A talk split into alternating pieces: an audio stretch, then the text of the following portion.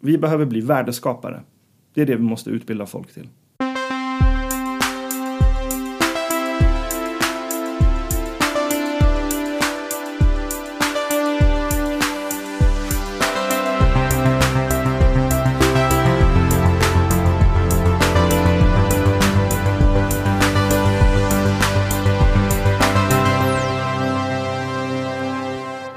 Experter menar att hälften av dagens jobb kommer att kunna ersättas av robotar eller automatisering inom 15 till 20 år ungefär. Men vilka nya jobb kan dyka upp istället? Och hur ska dagens företag och organisationer ställa om sig digitalt för att lyckas i framtiden? Så att man inte står där som ett skivbolag med CD-skivor i handen när nästa Spotify kommer. För att få klarhet i några av de här frågorna har vi eh, fått äran att välkomna Ashkan Fardost till Heja Framtiden idag. Välkommen Ashkan. Tack så mycket. Eh, kort presentation av dig. Du är född i Teheran, Iran. Du är eh, föreläsare, digital strateg. Ja, jag vet inte. ja, Kanske. talare. Du är delägare i en app som gör att man kan hålla koll på vad fan renarna är. Stämmer. Och du är transproducent.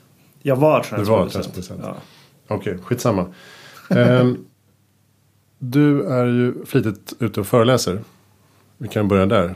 Ehm, du var nominerad till Årets talare 2017. Uh, talarforum. Och så. Vad är det du brinner för att uh, basunera ut i dina föreläsningar? Allt började ju med min fascination över teknologi. Och hur snabbt den avancerar framåt. Eh, och eh, om vi kollar specifikt på datorers utveckling och hela det här med Moores law.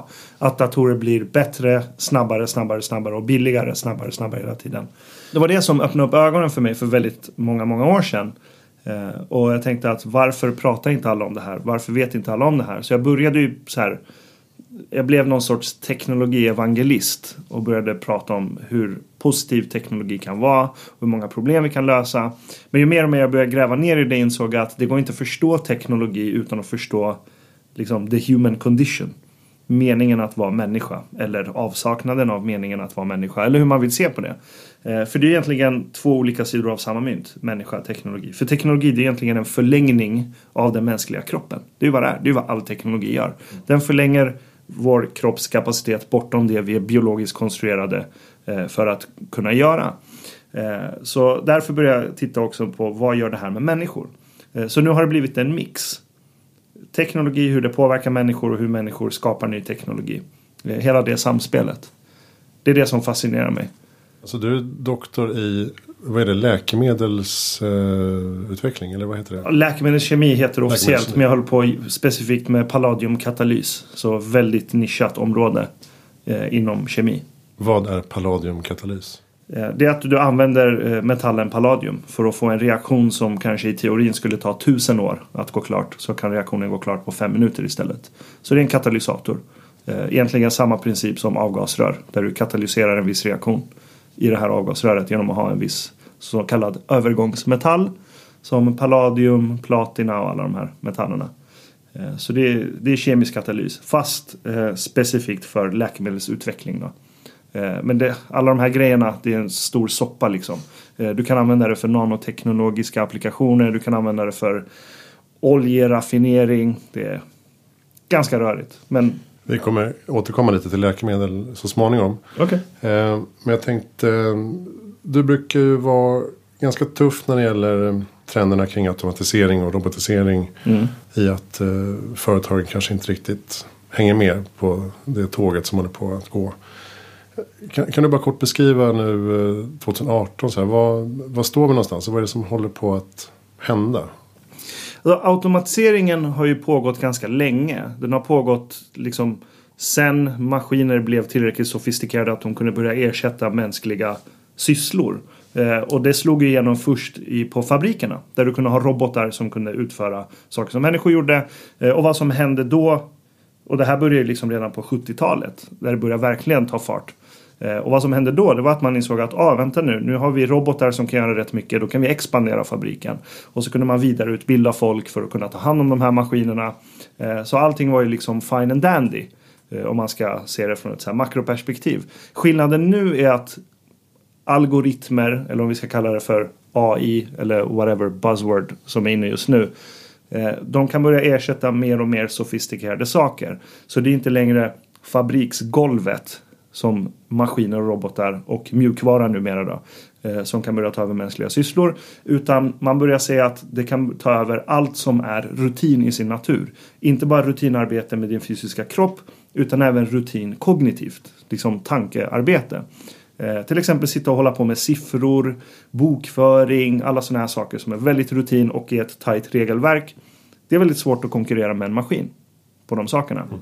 Så det är där det här börjar tåga in. Och grejen är att det kommer inte vara lika lätt att vidareutbilda folk. Liksom, du kan inte skicka en person som har jobbat med någonting som är helt utanför datorer och programmering hela sitt liv. Och sen ska du plötsligt skicka den på en sån här två veckors kurs. Så liksom, det kommer inte leda någonstans.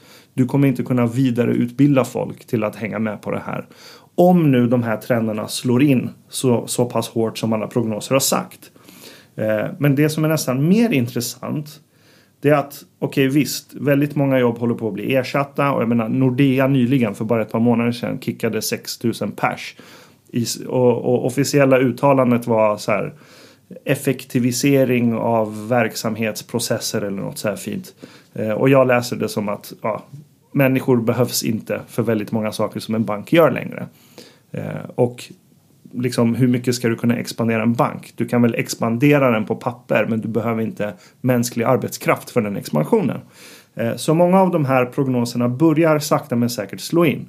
Kommer det slå in fullt ut så att hälften av svenska jobb är borta om nu 16 år enligt Oxford-studien och Stiftelsen för strategisk forskning? I don't know.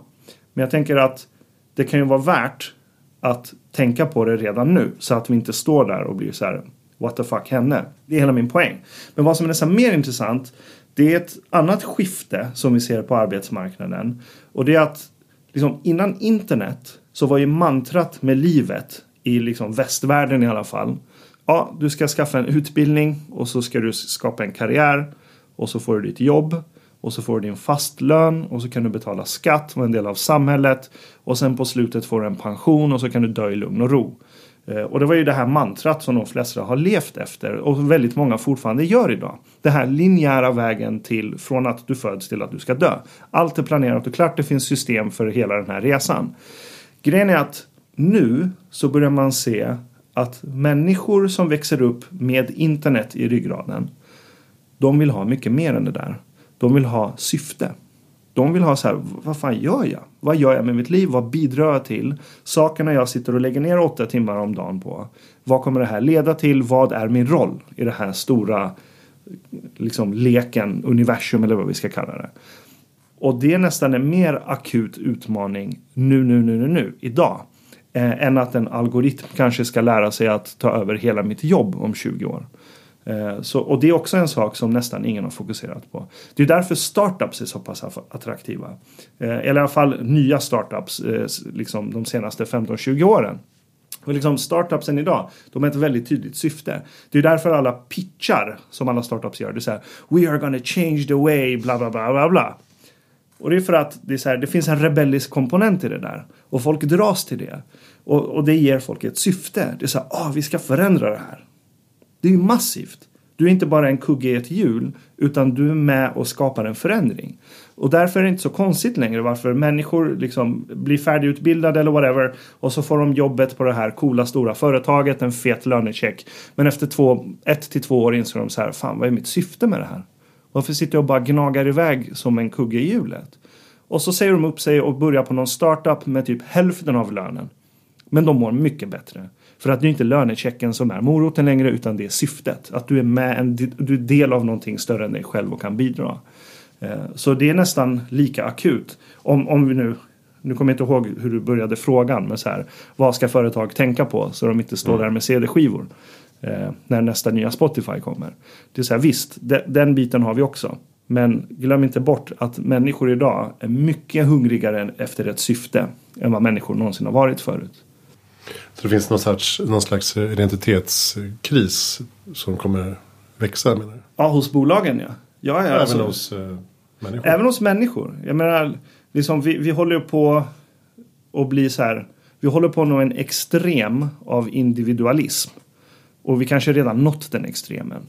Och priset du får betala för individualismen som vi har liksom stenhårt försökt utvecklas till att bli superindividualister, i alla fall i västvärlden. Priset vi har fått betala för det är att vi har tappat bort syfte. Vi har dödat religion, vi har dödat alla de här sakerna. Eh, vi har dödat liksom eh, den här tillhörigheten till din community. Allt det där är borta. Fram, speciellt i Sverige. Så syftet, det här högre syftet, spirituella syftet finns inte längre. Så vi måste ju hitta det någon annanstans. Eh, och startupsen ger en stor del av det där. I alla fall de startupsen som är tillräckligt modiga och vill utmana saker och ting. Eh, så, men jag skulle säga att identitetskrisen ligger ju hos de gamla bolagen. Som bara sitter och nöter på som de alltid har gjort. Och tänker ja men det här har funkat. Det här kommer funka 20 år till. Och grejen är att ja på papper kanske det funkar. Men du får inte glömma bort att det är människor du har att göra med. Och människor är inte längre kuggar i hjulen. För att folk sitter nu och har tillgång på samma, till samma information som alla andra människor i världen med hjälp av internet. De kan följa hur människor förverkligar sig själva. De kan se vilka spännande saker som händer runt omkring i världen. Och plötsligt börjar man rannsaka sig själv. Så, men vad gör jag för någonting då? Vad är min roll? Varför sitter jag och håller på här? Varför sitter jag och bidrar hela mitt intellekt till något företag som inte bryr sig om något syfte, som inte bryr sig om mig, som kan bara ersätta mig med någonting annat. Då söker man sig till någon som ger det här syftet istället. Mm. När man säger att eh, x antal procent eh, jobb kommer att försvinna. Då, då pratar man ofta om yrkeskategorier kanske. Att, mm. eh, man glömmer kanske bort att prata om de nya jobben som kommer dyka upp. Vad, vad ser du för möjligheter där? Vad, vad, kommer vi liksom att, vad kommer den här stora kontorsarbetande medelklassmassan att göra i framtiden? Det, det är en gissningslek egentligen. Och jag har ingen aning om vad för nya jobb som kommer komma om 20 år. Eh, det är extremt svårt. Man kan alltid sitta och spekulera och fantisera. Eh, liksom, I min idealvärld så vill jag att vi behöver enorm arbetskraft för att kolonisera andra planeter ute i universum. Det är liksom en utopi jag, jag, jag suktar efter. Mm. Att vi ska kolonisera rymden. Vilket jag tycker är fantastiskt. Eh, och det är en, så här, det är en massiv undertaking. Det är ett gigantiskt syfte i sig. Eh, så, men man kan sitta och spekulera och gissa sig fram till sånt. Eh, men det viktiga det är att jag tror att misstaget vi gör idag det är att vi håller på att utbilda arbetare. För liksom, vi sitter på ett skolsystem som uppfanns innan det fanns radio, bilar och telefoner. För att inte ens börja tala om internet. Och så förväntar man sig att det här skolsystemet 150 år senare fortfarande ska hålla. Och skolsystemet är ju byggt för att paketera människor och skicka ut dem i den här så kallade verkligheten. Genom att ge dem en viss, så här, ett paket av kunskap och så ska du bygga en karriär på den här kunskapen. Det där funkar i allt mindre omfattning numera. Du har inte den här linjära karriären längre. Och dina arbetsuppgifter ändras, din expertis kommer behöva ändras med tiden. Du måste lära dig konsten att lära dig själv. Och du måste lära dig konsten att bli en värdeskapare. Inte bara följa instruktioner. Och det är det som är den stora utmaningen tror jag. Skolan lär ut att vi ska följa instruktioner medan datorer kommer krossa oss på att följa instruktioner. Det är ju det de är skapta för att göra. Mm. Följa instruktioner, det är ju vad de gör. Men datorer kan ju inte skapa värde. Datorer är inte kreativa. Jag menar att en algoritm eller en super-AI eller whatever aldrig kommer kunna bli kreativ i dess riktiga mening. Det kommer vi människor alltid vara bättre än datorer på. För vi kan drömma, vi kan ha visioner, vi kan drömma om framtiden och sen skapa den här framtiden. En AI har inte incitamentet att göra det. Vi behöver bli värdeskapare. Det är det vi måste utbilda folk till. Att ta en idé och sen tillsammans med andra människor förverkliga den här idén och skapa värde för andra än bara dig själv. Om man lär människor att göra det, då kommer människor väldigt lätt kunna anpassa sig till all förändring. Då kommer ingen stå och säga, åh, oh, nu har jag utbildat mig till det här, nu behövs inte det här längre, nu är jag kört. Det kommer inte vara ett problem om du är en värdeskapare. Visst, vi kan spekulera om yrken i framtiden. Typ så här, Arbetsförmedlingen kommer ut med någon undersökning varje år. Det här ska du plugga för att lyckas i framtiden. Det är fel väg att gå. För att då kommer vi hela tiden tillbaka till, aha, då ska jag plugga till det här. Så är jag safe. Mm. Men det finns inget som kan garantera det. Det är därför jag menar att, okej, okay, gissa sig vilka yrken som kommer finnas i framtiden. Det är kul, men det går inte att applicera i nuläget. Istället lär ut människor att lära sig själva och att bli värdeskapare. Så kan människor lösa de här problemen själva as they go. Och eh, kanske tidigare finna sin passion och sin grej.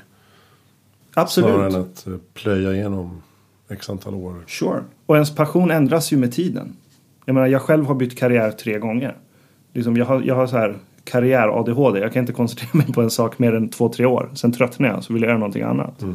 Av olika anledningar så har jag lärt mig att lära mig själv. Det jag behöver lära mig för att kunna göra någonting. Och det finns väldigt många modeller för att utbilda människor i det här. Ett av mina favoritexempel, nu är jag vinklad för att jag jobbar med dem, men det är Hyper Island. Liksom, det är en stor del av vad Hyper Island gör lär människor att vara optimala i en grupp. Att det finns olika sorters människor med olika karaktärstyper med olika sätt att kunna bidra till den här gruppen. Hur kan man optimera en grupp utifrån vilka skills och psykiska, psykologiska attribut människorna i den här gruppen har. Mm. Och sen lär man dem att ta en idé och förverkliga den. Och sådana modeller finns det mass, massor av runt om i världen. Som appliceras och funkar. Apropå det du är inne på lite grann. Kan inte du, du har ju dragit eh, den här historien om hur du så att säga hackade Napster inom citationstecken ett antal gånger. Men kan inte du bara dra den lite kort? Jag tycker den är så härlig. Sure. Eh, så det började med att jag ville skapa musik. Eh, men inte hade råd att köpa en studio. Vilket du behövde på 90-talet för att göra musik. Eh, sen började det dyka upp massa mjukvaror. Som egentligen försökte ersätta den fysiska musikstudion. Och den mjukvara jag fastnade för var Reason Eh, från svenska Propellerhead. Eh, och de finns fortfarande kvar idag, sitter på Söder. Eh, jättegrymt företag och fantastisk mjukvara, Reason. Det är egentligen en digitiserad version av en musikstudio. Och i många fall bättre än den fysiska studion. Så jag upptäckte det här programmet och så insåg jag att shit, jag behöver bara min hemma-PC för att kunna skapa musik som låter lika bra som musiken ute på radio. Men mitt nästa problem det var ju att komma ut med den här musiken. Liksom skicka en demo-CD till ett skivbolag när du är en 17-åring som bor hemma hos mamma och pappa och har noll kontakter inom musikbranschen. Sannolikheten att de ska lyssna på din demo-CD är ganska låg. Och jag skickade ju musik till massa skivbolag och det var ingen som hörde av sig. De få som gjorde det var inte så pass smickrande i sina kommentarer till min musik. Vi var många som skickade. Ja, ja visst. Och många känner igen sig i det. Alla musiker känner igen sig i det här. Liksom dissarna man har fått. Um, och, men det här var ju samma veva som Napster kom ut och började växa sig och bli stor. Uh, och så satt jag där och laddade upp massa musik till människor och laddade ner massa musik. Och då insåg jag att, men vänta nu, det här är ju ett brutalt maktskifte. Jag sitter ju nu och är tekniskt sett musikdistributör. Jag sitter ju och distribuerar produkterna som skivbranschen försöker kränga ute i butikerna. Så jag fick en idé. Jag tänkte okej, okay, jag vet vilken musik folk laddar ner från mig. Jag kan ju se det på listan. Vilken musik som trendar, vilka skivor de är ute efter, vilka artister de är ute efter. Jag vet vad de söker på basically. Bara av att titta på vad de laddar ner från mig. Så jag tänkte okej, okay, vad händer om jag tar några av mina egna låtar och sen smyger jag in dem i andra artisters album. Så, och så ändrar jag liksom eh, filnamnen så att det ska se ut som en riktig eh, låtordning eh, och allt det här så att ingen ska bli misstänksam. Så folk kommer och söker på typ så här DJ Tiesto som var störst inom trance på den tiden. Och så laddar de ner någon mixskiva av DJ Tiesto och så får de två Ashkan-låtar på köpet. Eh, det var ju konceptet. Men grejen är att jag måste poängtera, det här var inte så här. Jag satt ju inte och fick någon så här aha-upplevelse och tänkte att det här är en genialisk plan. Eh, det var bara ren aggression. Det var så här, vill ni inte ha min musik då ska ni fan få den anyway. Eh, så det var bara ren aggression och frustration. Så jag bara la in mina låtar i massa album. Och sen glömde jag bort det. Sen efter ett tag bara, just det, fan hände med det där? Och så sökte jag på mig själv på Napster och då liksom kom det hur många sökträffar som helst. För det hade spridit sig vidare. Och, och vid det här laget hade folk börjat diskutera det i forumen. För vissa insåg att, men vänta, originalskivan innehåller inte de här Ashkan-låtarna. Uh, what's happening? Liksom, försöker reda ut vad det är som har hänt. Uh, och då blev jag plötsligt någon. Folk började prata om mig och då blir man någon. Uh, och så gick jag tillbaka och började svara på de här människorna. Och så fick jag liksom mina första fans. Och de i sin tur hjälpte mig. För de kände ju folk på skivbolag och så vidare. Så det var de som började pitcha min musik till skivbolagen. Mm. Och en dag satt jag där och skulle välja mellan liksom, sju olika skivbolag. Vilket var helt absurt när man tänker på det. Och mina föräldrar och de vuxna runt omkring de trodde att jag hade blivit psykotisk. De trodde att jag var galen bara hitta på allt det här. För det var ju väldigt sjukt på den tiden. Mm. Man, jag, jag, känner bara så här, varför gjorde man inte det där? Ja. Samma strategi. Jag satt också med DC++ och Ja, bredband. Ja. Liksom, Ja, visst. studentrum i Singapore under ja, det var 2000. Då. Fett. Men eh, den tanken slog mig aldrig. Det var ju många som gjorde det här. Jag var inte ensam om det. Många brukade så här. De la ut sin låt på Napster. Och sen i låttiteln så skrev de så här parentes, någon skitkänd artists namn och sen remix. Eh, Så det är egentligen samma tänk. Du hamnar i sökträffen och så laddas du ner. Fast det är lite mer fake news att göra så. Ja, det är det väl. För det är ju inte en äkta remix av den artisten du påstår att det är.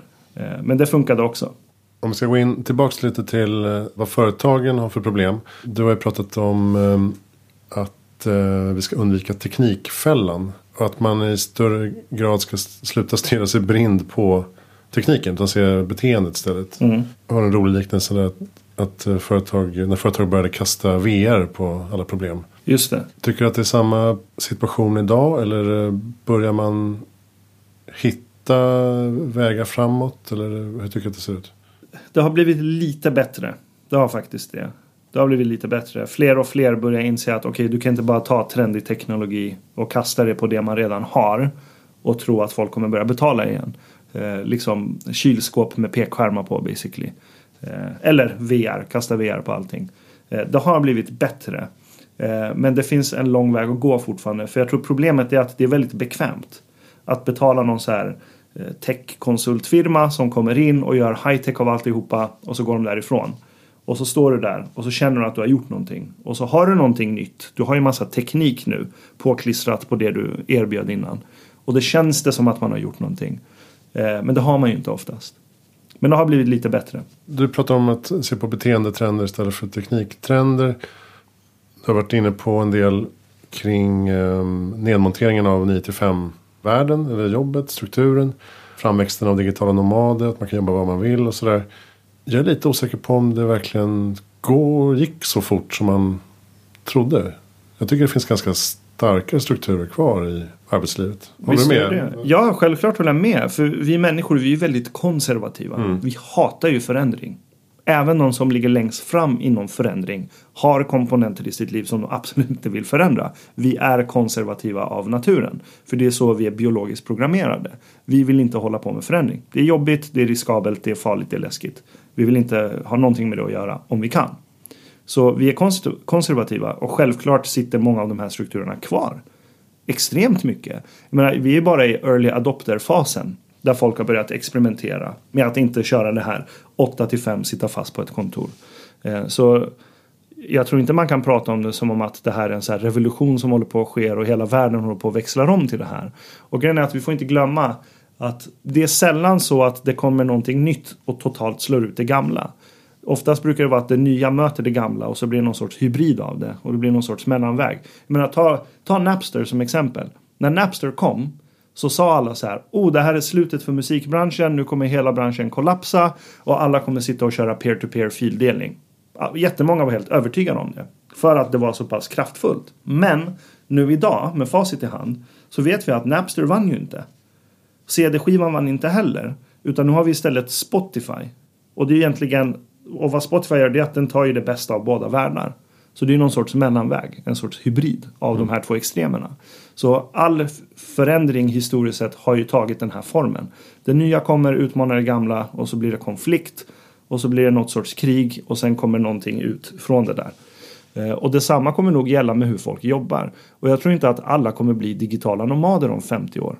För att det passar inte alla. Alla trivs inte på det sättet. Vissa gillar att sitta i ett rum 8 till 5 med en grupp människor och sitta och nöta på någon grej som de brinner för. Det finns jättemånga människor som går igång på det där. Och klart, de ska få kunna göra det om de vill.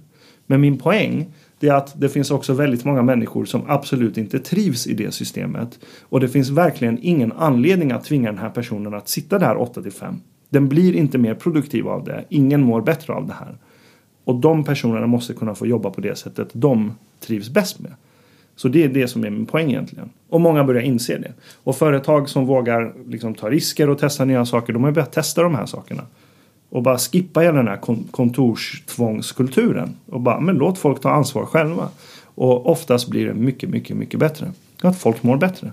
Många har också svårt med omställningen med till exempel aktiva kontor. Men man får sitta var man vill. Det, det finns eh, stort motstånd också. Visst gör det. Och Men det kanske är initialt. Kanske, och jag, jag vet inte, det är väl olika sorters människor som söker sig till olika sorters branscher. Så det kanske inte funkar överallt. Men jag, jag tycker det är bara ganska, det är sjukligt, alltså det är patologiskt av oss att vi är så här. Vi bygger så jävla mycket strukturer och system och säger så här ska det vara. Och så har man skrivit ett kontrakt på tio år för någon gigantisk företagslokal någonstans. Och så inser man att fan, det kanske är bättre om vissa bara får jobba lite hur de vill, när de vill, vart de vill. Så länge man kommer till onsdagsmötet eller whatever man har. Men då står ju kontoret tomt. Och så ser man det som att man håller på och blöder pengar. Och då blir det så här, nej, vi, vi ska vara på kontoret. Och så hittar man massa anledningar till varför det är bättre. Just det. Och så sitter man i, pendlar i rusningstrafik. Ja, det, bara det är sjukt. Liksom, tänk hur många timmar av ditt liv du förlorar på pendling. För att ta dig till en plats du egentligen inte behövde vara på just den dagen, den gången. Apropå det då. Eh, jag tänkte vi kunde prata lite om Internet of Things och eh, AI kanske. Alltså om vi ska heja framtiden, peppa lite kring Mm. vart utvecklingen kan leda oss. Det känns ju som att eh, till exempel Internet of Things kan hjälpa oss ganska mycket i vårt vardagliga liv. Hur ser din eh, liksom, utopi ut på den fronten? Min utopi, om vi tar så här ett exempel. Det är att om allting är, eller väldigt många saker är uppkopplade och kan kommunicera med varandra utan att en människa behöver sitta i mitten och hålla på och dirigera allting. Ta så här ett scenario. Du har en jätteuppkopplad stad där väldigt många komponenter av den här staden är uppkopplade och sen sker det någon olycka någonstans i den här staden. Eh, säg att det blir en bilolycka. Och då finns det sensorer som kan känna av att en bilolycka har hänt. Dels kanske på vägarna men också bilarna själva fattar ju att de har varit med om en olycka. Om de är utrustade med tillräckligt mycket sensorer, vilket moderna bilar är idag. Eh, och den här informationen skulle ju i teorin kunna gå till stadsnätet eller stadssystemet. För att berätta för staden att här har det skett en olycka. Och om alla trafikljus och trafikskyltar är uppkopplade och kan ta emot den här informationen och bearbeta den så kan ju egentligen hela vägnätet automatiskt dirigera bort trafik från den här olycksplatsen så att sjukhuset och ambulansen som också per automatik redan fått informationen om att det skett en olycka innan ens en människa har hunnit lyfta på luren och ringa 112 så kan ju den här ambulansen kanske komma fram tre minuter snabbare än vad den hade gjort annars. Och det är ett så här typiskt utopiscenario där allt som går att automatisera automatiseras. Så att vi inte har sega människor som ska hålla på och dirigera allting. Det är utopiscenariot. Ett av utopiscenarion som jag hade.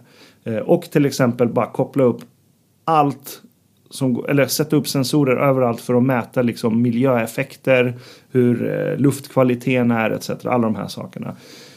Men hela Internet of Things-drömmen den dog lite för att så fort Gartner och alla de här kom ut med analyser så här. Ja, 2020 så kommer det finnas så här många miljarder uppkopplade devices. Det här motsvarar så här många triljoner dollar i value som företagen kan kapitalisera.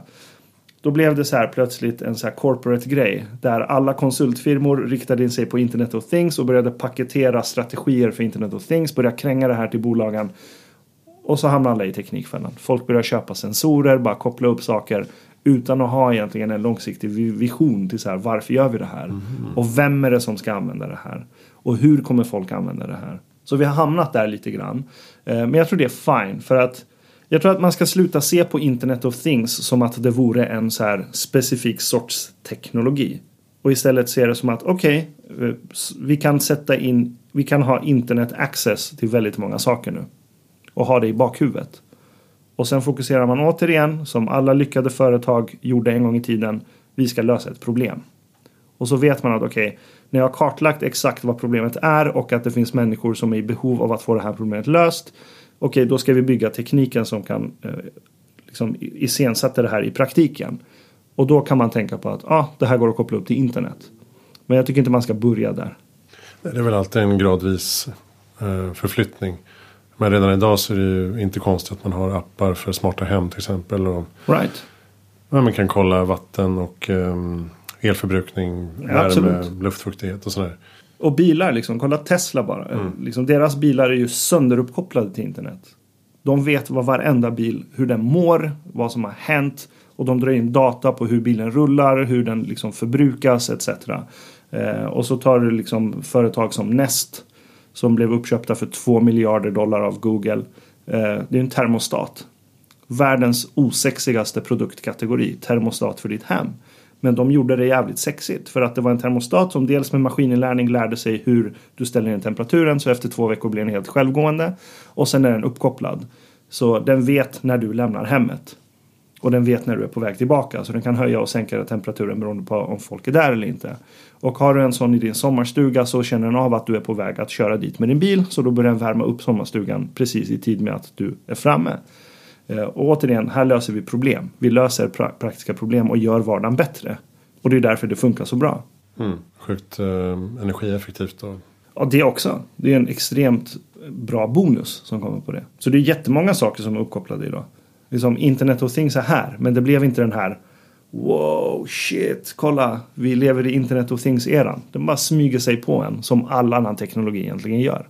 Det är inte så att folk vaknade upp en dag och bara Oh my god, IT-revolutionen är här. Utan den smög ju sig på oss. Och nu är vi mitt i den. Och vi vet inte vart den är på väg. Virus i brödrosten. Ja, virus i brödrosten. Inget, inget främmande om några år. Eller kanske redan nu. En hackare som rostar i sju minuter istället för fem. right. Sjukt störigt i och för sig. Jag tänkte kunna komma in lite på läkemedel som du, eh, du har då doktorerat mm. inom. Du har varit inne på något tal, ett TEDx-talk kanske det var. Ja just det, i Berlin ja. Om eh, det ironiska i att eh, mycket annat går fort framåt enligt till exempel Moores law. Mm. Medan läkemedel har gått väldigt lite framåt i paketering och Ja, hur man tillverkar helt enkelt. Mm. Vad, eh, vad är din analys av det? Vad beror det på och eh, vad är nästa steg framåt? Det beror mycket på att ett, det finns väldigt mycket pengar i det sättet läkemedel säljs idag. Eh, och grejen är att om man kollar, det nu kommer jag inte ihåg vilket universitet Eh, den här gruppen är verksam i, men det är en forskargrupp som varje år släpper en chart på de hundra bäst säljande läkemedlen. Och majoriteten av de läkemedel som ligger i topp 10 det är läkemedel mot åkommor som vi skapar själva. Alltså genom att ha dålig diet, träna för lite etc. Så får vi massa problem. Ökade blodfetter, vi blir överviktiga etc. Och, och topp 10 läkemedlen är oftast i den kategorin. Det är piller mot skit som vi har skapat själva. Och och bortsett från det, vilket är katastrof, att liksom det är så många av läkemedelsbolagen går runt på att kränga piller som vi egentligen inte behövde om vi hade levt lite sundare. Eh, så är det andra problemet med läkemedelsbranschen att man, i alla fall farmaceutiska läkemedel, att du käkar ett piller efter att du har blivit sjuk. Det är att du behandlar symptomen. Eh, jag gjorde en uträkning, eh, den är inte vetenskaplig för jag satt själv och gick igenom den här datan. Men jag drog ner alla eh, FDA, alltså Läkemedelsverket i USA. Jag drog ner hela FDAs databas på alla läkemedel som någonsin har blivit godkända och kommit ut på marknaden från den myndigheten. Och så kollade jag egentligen manuellt. Jag tror det var 90 000 läkemedel i den här listan. Så jag gjorde lite filtreringar för att få ner antalet. Men ungefär 95 procent av alla läkemedel som FDA har godkänt som har fått komma ut på marknaden Ungefär 95 procent av de här läkemedlen behandlar symptomen och behandlar inte grundorsaken till varför du är sjuk överhuvudtaget. Så läkemedel är inget botemedel i de flesta fallen utan det bara stoppar symptomen liksom under mattan. Det är vad den gör, men du kommer inte åt den underliggande orsaken. Och det är ett problem. Det är ett problem och så har läkemedelsforskning sett ut i snart hundra år nu. Men nu har vi ju lärt oss extremt mycket om genetik. Vi vet att det finns väldigt många gener som om vi skulle kunna klippa och klistra med dem så skulle vi kunna faktiskt bota väldigt många sjukdomar. Och min frustration med läkemedelsforskning det är att man bara utgick ifrån att ja, men så här funkar ett läkemedel. Det är en substans som går in i din kropp och så fixar den ett symptom så att du inte känner dig sjuk längre. Men det är ett krig som aldrig kommer ta slut. Du ska hela tiden kämpa mot det här symptomet men den underliggande orsaken kommer finnas kvar där. Så, och liksom, undantagen till det, det är typ antibiotika. Då botar du ju verkligen människan. Mm. Liksom, du dödar den bakterien som försöker döda dig. Så där har du ett exempel på botemedel. Eller kanske så här, eh, cellgift vid eh, tumörbehandlingar. Lyckas du med den behandlingen och slår ut cancern så har du ju botat personen i teorin. Men de flesta läkemedel funkar inte så. Så det var en stor frustration som jag hade. Att vi bara utgick ifrån att ja, men så här är det. Vi ska gå på symptomen. Medan jag menade att okej, okay, fast varför går det åt så mycket pengar på läkemedelsforskning som endast fokuserar på symptomen? När vi istället nu, när vi har medlen och teknologin för att faktiskt börja gå på själva rotorsaken. Varför skiftar vi inte forskningen åt det hållet istället? Liksom, jag är helt ointresserad av att det har utbildats hundratusentals människor som ska ta fram nya piller. Liksom, men det är fel fokus. Eh, men nu börjar det gå åt rätt håll. Eh, mycket tack vare CRISPR. Att du kan börja klippa i gener och redigera gener med, väldigt, liksom, med extremt hög precision. Eh, och det har ju tagit rejäl fart nu. Där man redan gjort tester på mänskliga organ. Och det här kommer ju bara gå ännu snabbare och snabbare hela tiden. Så vi börjar se ett skifte där, vilket, är, vilket jag är väldigt hoppfull kring. Att vi faktiskt kan bota sjukdomar genom att gå in på genetisk nivå. Tror att det, är, det, är det det området som kommer att accelerera mest eh, framöver? Tänker du? Inom läkemedel? Mm. Eh, jag tror det. Jag hoppas det.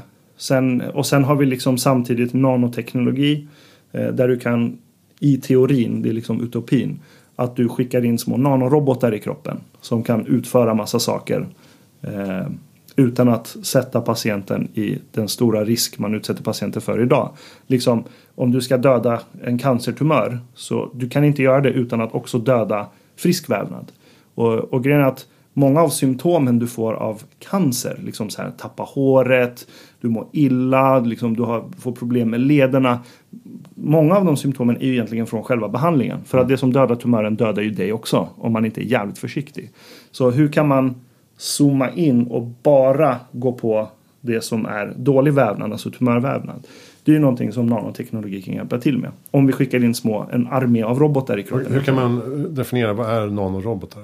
Det är egentligen strukturer eller kemiska strukturer på nanonivå som nu kommer jag inte ihåg hur många mikrometer eh, man är nere i, men, eller hur många, eh, hur många decimaler det är för att komma ner på nanonivå. Jag tror det är 10 upphöjt till 12 eller någonting sånt upp 10 upphöjt till minus 12 eller någonting sånt. Eh, men konceptet går ut på att du bygger strukturer som är så pass små att de kan operera på molekylär nivå. Så det är en liten robot som kan vara i din kropp som är så pass liten att den kan gå och pilla på liksom celler och döda enskilda celler. Istället för att du ska liksom strålbehandla en hel del av kroppen istället. Eh, och, och, utopin är att dels du har nanorobotar som är i din kropp och kan utföra operationer inuti kroppen så du slipper öppna upp kroppen och göra operationer som vi gör idag. Och sen att du kanske bara som standard har en armé av robotar i din kropp som hela tiden monitorerar hela kroppen livet ut och hela tiden har koll på vad som händer i din kropp och kan märka om en sjukdom håller på att bildas innan den faktiskt blommar ut helt. Eh, och sen ska ju de här nanorobotarna vara kopplade, uppkopplade såklart. Så de kan ju bara skicka all data utåt. Så kan du se live vad som händer i din kropp. Så kan du förebygga sjukdomar istället för att försöka ta bort symptomen efter att de har skett. Coolt. Det är jävligt coolt och jävligt spaceat. Eh, men det sker extremt mycket framsteg eh, på den fronten. Hur ser du själv på åldrande och eh, människa 2.0 filosofin? Tror du att eh, vi kommer kunna leva för evigt, höll jag säga. Men teoretiskt sett, liksom, ja, kanske. Jag menar, vi är, vi är biologiska system. I teorin borde vi kunna någon gång i framtiden lista ut hur man kan få maskinen att sluta åldras. Eh, men vi får inte glömma bort att vi har ett mänskligt psyke. Eh, och jag brukar prata om, liksom när man ska titta på människan och hur vi fungerar rent psykologiskt, eh, så tycker jag det är sjukt fascinerande när man tänker på att vi är dels programmerade biologiskt.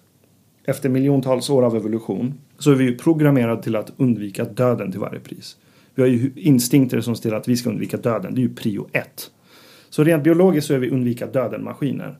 Å andra sidan har vi nu ett medvetande som är så pass avancerat att vi vet att en dag i framtiden så kommer jag dö. Vi är det enda djuret som kan reflektera över faktumet att en dag i framtiden kommer jag dö. Så det här måste ju skapa en enorm konflikt i hjärnan.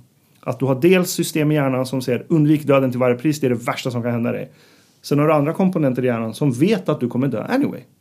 Så var, varför ligger vi inte bara i fosterställning och gråter och skiter i alltihopa? Varför går jag upp ur sängen på morgonen fast jag vet att jag kommer dö? Så jag tänker att hjärnan måste ju lösa den här konflikten. Annars kommer ingen gå upp ur sängen. Och jag tror hjärnan löser den här konflikten genom att intala oss, eller övertala oss människor till att hitta på en massa odödlighetsprojekt. Massa odödlighetsprojekt som vi kan förverkliga och därmed få känslan av odödlighet. Eller inte ens känslan utan de facto odödlighet symboliskt. Att man bidrar till någonting som är större än sig självt och så lämnar man ett spår efter sig och därmed blir ihågkommen. Det är ju ett sätt att bli odödlig på. Och jag tror det är det som driver oss människor egentligen. Vår törst efter odödlighet. Men vi vet att vi inte kan bli det biologiskt. Så vi försöker göra det symboliskt istället. Så, ja, vi skaffar ju barn. Vi skaffar barn. Det är ju ett sätt att bli odödlig på. Du sprider dina gener som lever i nästa generation etc. Det är ju liksom ett väldigt eh, primitivt sätt att bli odödlig på. Absolut. Eh, men grejen är att även om, det även om massa företag jobbar på att försöka lösa problemet med döden. Eh, vilket många så Silicon Valley-människor försöker göra. Bland annat Googles sidoföretag Calico. Det är ju deras mål. Att lösa problemet med döden. Men grejen är att du kan fortfarande bli påkörd av en bil. Right? Självkörande bil. Okej, okay, säg att vi har självkörande bilar som aldrig kör på människor. Du kan bli huggen fortfarande med en kniv. Liksom. Du kan bli skjuten, du kan fortfarande dö. Du kan ramla ner och liksom dö eh, av fysiska liksom, krafter. Eh, inte bara av åldrande. Eh, men jag tror att vi människor måste ha döden. För att det är ju frustrationen av att vi vet att vi kommer dö som ger incitamentet till att bli kreativ. Och det är det som skapar historia. För vi människor har ett naturligt incitament till att försöka förändra vårt öde, vilket är att dö. Det är därför vi skapar massa saker. För att inte dö, symboliskt i alla fall. Och det är det som driver oss. Och jag tror att tar du bort den komponenten och, säger, och, och människan inser att jag kommer aldrig dö. Då försvinner alla incitament till att göra någonting överhuvudtaget. Vi kommer bara sitta och kolla på Netflix, äta chips och så kommer vi äta ihjäl oss istället. Så odödlighet biologiskt, ja, alltså varför jag skulle inte bli förvånad om man lyckas lösa problemet med döden eller problemet med åldrande. Eh, men vi kommer inte må bra av det. Nej, och sen har man väl inte löst problemet med hjärnan och eh, åldersrelaterade sjukdomar där. Alltså demens och Alzheimers och sånt. Stämmer, stämmer. Så det kan ju bli 200 år men går runt och inte kommer ihåg det. Ja, sure, så kan det också bli. Men fast då, ja, då, då, då tycker inte man kan anse projektet vara lyckat. Utan i teorin är att du ska leva för evigt och ha full mental kapacitet hela tiden. Eh, vilket bör vara ett problem. För det måste ju finnas en gräns på hur mycket wisdom du kan lagra i din skalle. Mm. Eh, men i teorin, säg att vi löser det också. Så tror jag fortfarande att vi inte kommer må bra och få veta att vi aldrig kommer dö. För det är det som driver oss. Ironiskt nog är det det som ger oss livsglädjen. Att mm. vi ändå kommer dö. Ja, men måste uträtta saker på en begränsad tid. Exakt. Annars kan man skjuta upp det i hundra år. Exakt. Och, vi, och liksom, fast när vi vet att vi kommer dö om hundra år så skjuter vi upp nästan allt. vi människor redan nu. Eh, så, så det, det, är en sak jag saknar hos techfanatikerna som vill lösa massa problem, vilket jag tycker är fantastiskt. Eh, jag älskar teknologi och jag tror teknologi kommer lösa massa problem åt oss och självklart skapa nya problem och det är en del av det hela. Eh, men att bli odödliga, det finns så många andra aspekter av det än bara det biologiska. Vi måste ha incitamentet att inte vilja dö. Annars gör vi ingenting. Apropå det då. Har du funderat någonting kring dilemmat som omgärdar singulariteten? Mm. Alltså när AI. När man förväntar sig att AI blir smartare än människan och mm. så fall står liksom högre i rang. Det känns som en lite metadiskussion där. Mm. När kommer det inträffa? Kommer det inträffa? Hur ska vi rusta oss? Hur, hur ser du på den frågan? Så de, den mest ansedda profeten på det ämnet är Ray Kurzweil. Det är ju han som myntade konceptet eh, singularitet ur det här perspektivet. Att någon gång i framtiden kommer datorer bli självmedvetna och smart, smartare än oss. Så de kommer utveckla sig själva. De kommer bygga ännu smartare AIs som i sin tur kommer bygga ännu smartare AIs och där tappar vi kontrollen och det kallar han för singulariteten. Eh, men det finns ett stort hål i det där argumentet och det är att liksom om vi tänker så här, i teorin, säg att bilar åker snabbare och snabbare exponentiellt. Att deras hastighet utvecklas exponentiellt. Då kan du ju, om du har tillräckligt mycket data, extrapolera och se hur snabbt bilar kommer åka i framtiden. För då har man kunnat göra med hur snabbt datorer beräknar saker. Eh, det är det som är Moores lag. Eh, men du kan inte ur den här extrapoleringen säga att ja, till slut kommer bilar åka så pass fort att de kan teleportera sig. Det kan du inte göra. Det är ett stort hopp från att åka snabbt till att teleportera dig. Det är ju två helt olika saker. Och visst, om en bil åker oändligt snabbt så kan det uppfattas som att den har teleporterat sig. Det tar liksom en miljarddels sekund för den här bilen att åka jorden runt och komma tillbaka på samma punkt. Så för mig ser det ut som att den har teleporterat sig, men den har ju inte det. Det är en helt annan natur. Eh, och, och det, det hålet jag ser i de här extrapoleringarna som Ray Kurzweil gör. Där han säger att okej, okay, så här mycket beräkningskapacitet har datorer eh, nu och så har det sett ut historiskt. Så runt 2050 eh, är hans prediction att datorer kommer vara smartare än hela mänskligheten. Men det, det man missar här det är att mänskliga hjärnan och det vi kallar för intelligens, vi utgår ifrån oss själva, biologiska organismer som kan agera utifrån vad som händer i omvärlden. Intelligens har inte bara med beräkningskapacitet att göra. Vi har inte kommit ett enda steg framåt när det gäller att förstå vad medvetande är för någonting. Och problemet med att förstå medvetande är att det är en av få saker i universum som vi inte kan studera objektivt.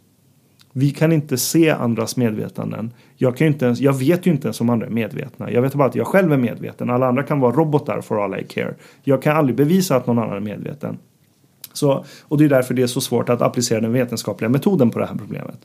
Eh, och techfanatiker som Ray Kurzweil liksom har inga bra argument. För liksom, hur ska vi lösa problemet med medvetande? För att om du säger att datorer kommer bli smartare människor och börja utveckla sig själva, då behöver de vara självmedvetna och de behöver ett incitament till att vilja utveckla sig själva överhuvudtaget. Varför ska de vilja göra det? Vem är det som garanterar det? Eh, och problemet med den här teorin är att de som förespråkar den erbjuder inget sätt för mig att falsifiera teorin.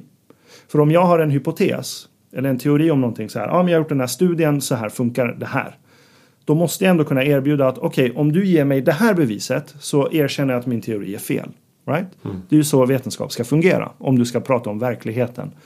Men om du frågar singularitetsmänniskor okej, okay, hur kan jag falsifiera din teori? Vad för bevis behöver jag leverera så att du ska säga shit, jag hade fel, du har rätt.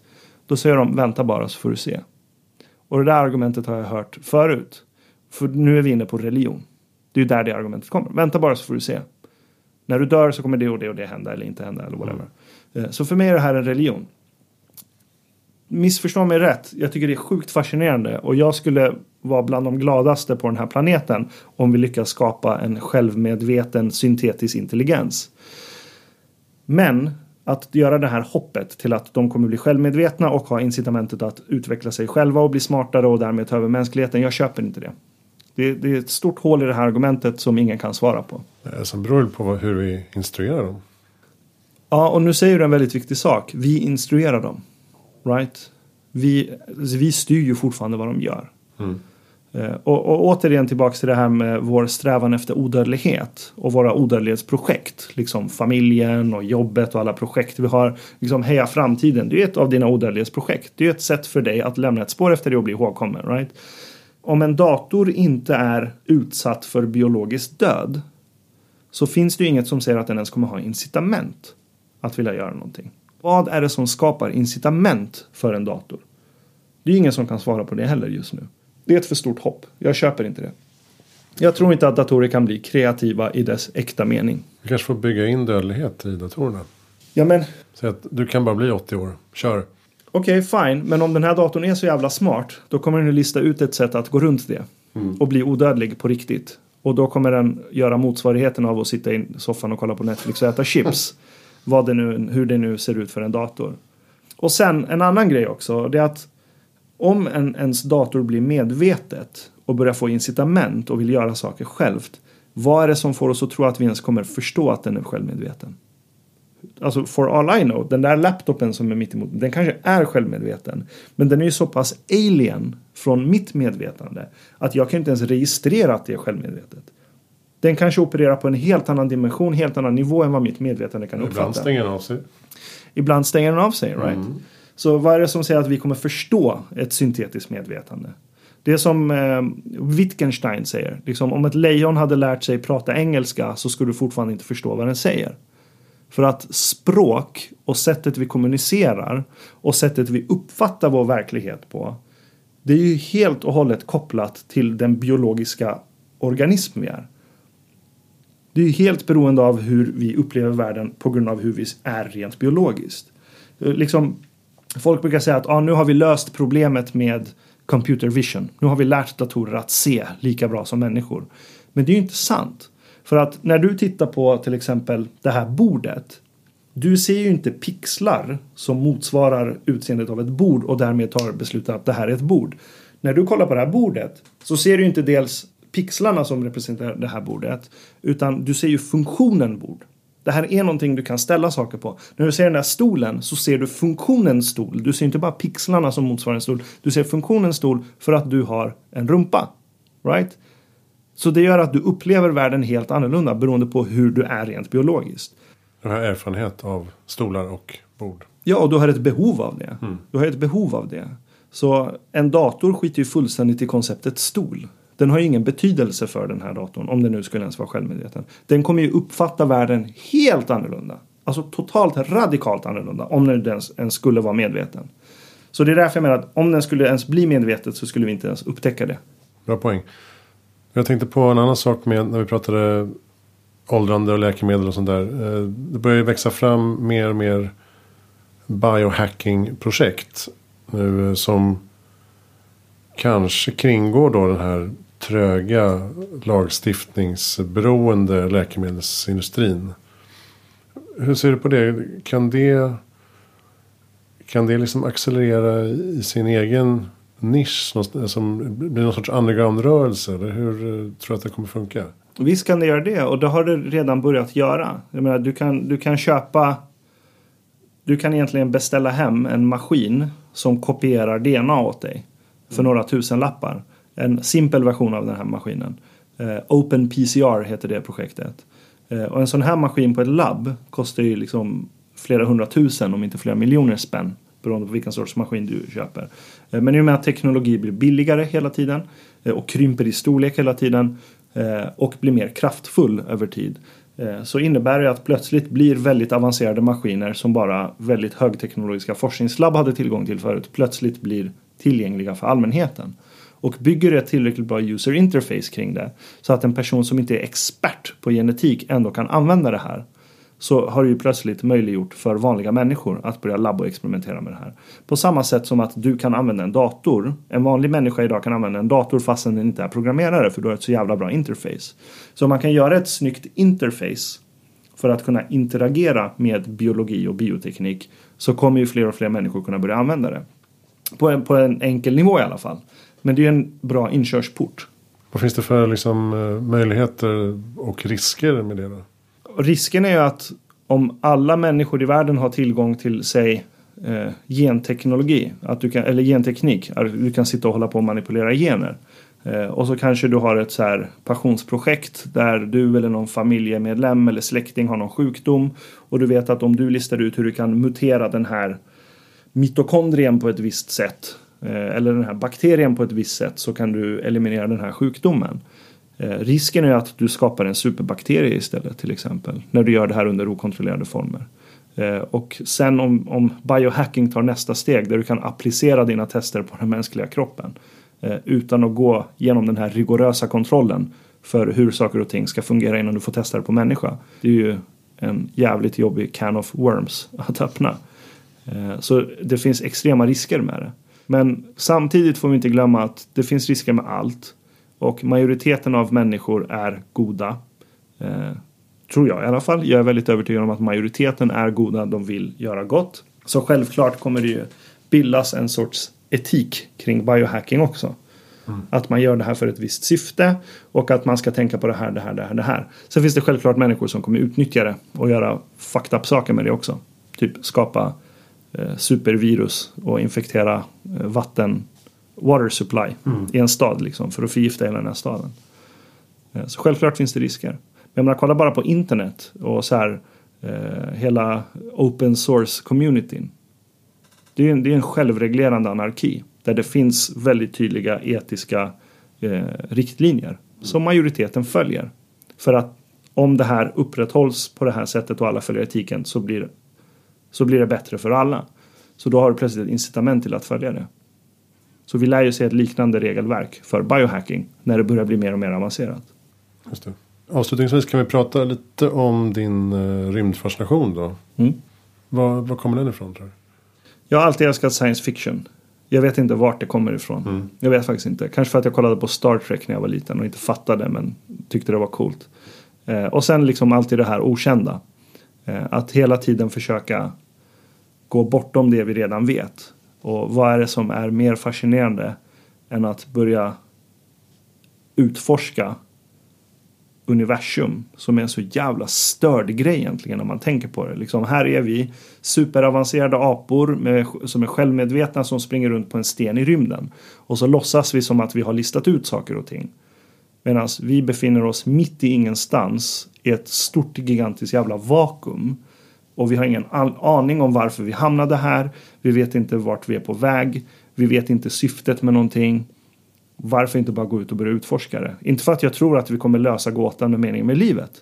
Men jag menar, människor började ju utforska sin omgivning. Vilket ledde till att vi började kolonisera massa kom olika kontinenter. Mänskligheten spred sig ut över hela jordklotet. Och egentligen är det ingen skillnad att ta nästa steg och gå ut i rymden. Vi är ju här idag för att människor ville utforska sin omgivning. Och nu är rymden en del av vår omgivning och vi har access till den. Och vi är inte långt ifrån teknologiskt att kunna börja sätta människor på olika planeter runt om i solsystemet. Så jag, jag säger så här, vad finns det för anledning att inte göra det? Du är sugen på Mars helt enkelt? Extremt sugen på Mars. Inte för att jag tror att det kommer lösa alla världsproblem. Men det är extremt många tekniska lösningar som har kommit som ett resultat av rymdforskning. Typ dialysmaskinen. Det är ju ett direkt resultat av att man behövde lista ut ett sätt att filtrera vatten och rengöra vatten så att du kan återanvända vatten när du är uppe i en rymdraket. Och sen insåg man att det här kan du applicera för att liksom rena blod. Och så fick vi dialysmaskinen som används av väldigt många patienter idag. Så det finns hur mycket teknik som helst som kommer komma utifrån rymdforskning. För att vi gör någonting vi aldrig har gjort förut och då måste vi lösa problem. Och det är då vi kommer på jävligt smarta coola saker. Så vad ska vi annars göra? Ska vi bara sitta här och säga ja men nu är vi nöjda, nu har vi listat ut det mesta, allting är fine. Det är ju idiotiskt. Ut och kör bara. Ut och kör. För och motargumentet brukar vara att vi har så många problem att lösa här på jordklotet först. Det är så här, ja, fast så funkar det inte. Om du har människor som är supersugna på att åka till Mars och så säger du till dem nej du får inte, du ska lösa det här problemet först. Så funkar inte människor. Vi kan inte fokusera på ett problem åt taget. För då ska vi börja rangordna problem och vem ska göra den rangordningen? Vilket problem som är mest akut att lösa? Och dels så behöver vi en backup på mänskligheten. Vem vet hur länge jorden liksom, eller jorden är ju fine. Jordklotet är ju fine. Det är ju vi människor som kommer vara fucked om global uppvärmning fortsätter som den gör. Eh, det, det är viktigt att tänka på. Mm. Alltså, att tänka på klimatförändringar det är ju en egoistisk sak. Det är ju vi människor som är hotade, inte planeten. Planeten är fine, den har alltid klarat sig, den kommer klara sig. Och planeten struntar i om det är en sten eller om den har hav och moln och allt det där. Eh, det är bara vi människor som sätter de här värderingarna. Du menar att den inte har något medvetande? Nej, den har inget medvetande. Det är ju bara materia. Eller det är ju vi också. Men planeten är fine, men vi människor är inte det. Speciellt om vi fortsätter i den här, på det här sättet som vi har gjort. Eh, å andra sidan är jag inte så orolig för långsiktigt för global warming för att jag tror att vi kommer lösa det problemet. Bara dels nu att vi håller på att sakta men säkert röra oss bort från fossila bränslen. I och med liksom elbilar, snart kommer vi kanske förhoppningsvis ha flygplan som drivs av el. Eller så kommer vi bara resa med hyperloops över hela världen. Så kan vi komma bort från fossila bränslen. Redan där har vi gjort ett stort steg till att minska effekterna av global uppvärmning. Men jag tycker det är bra att vi har en backup. Att vi finns på olika platser i solsystemet. Men också i andra galaxer om vi kan göra det. Och det är egentligen ingen skillnad på att liksom bygga en båt, segla över havet och hitta någonting nytt. Det är ju mm. samma sak. Fast det är en mycket större, mäktigare omfattning. Jag tror att vi är ganska klara där. Um, Ashkan Fardos, tusen tack för att du kom hit. Tack för inbjudan. Det var jättekul att vara här. Och du finns på um, ashkan.io. Stämmer. Och uh, at Tourist in Space på lite olika sociala kanaler. Ja. Även på YouTube finns du och har en del TEDx-föreläsningar. Stämmer. Stort tack. Eh, jag heter Christian von Essen. Eh, vi som gör Heja Framtiden heter också Tobias Wahlqvist och Mårten Skånman. Vi finns som vanligt på Facebook. Där heter vi Heja Framtiden. Och en e-mailadress som heter hejaframtiden gmail.com. Och jag finns förstås på alla andra tänkbara plattformar om det skulle vara så. Om ni har något trevligt att säga så går det bra att höra av er till oss. Om ni har något elakt att säga så går det bra också att skriva det på en liten lapp och stoppa i en byrålåda. Så känns det bättre sen. Tack så mycket. Heja framtiden. Hej då.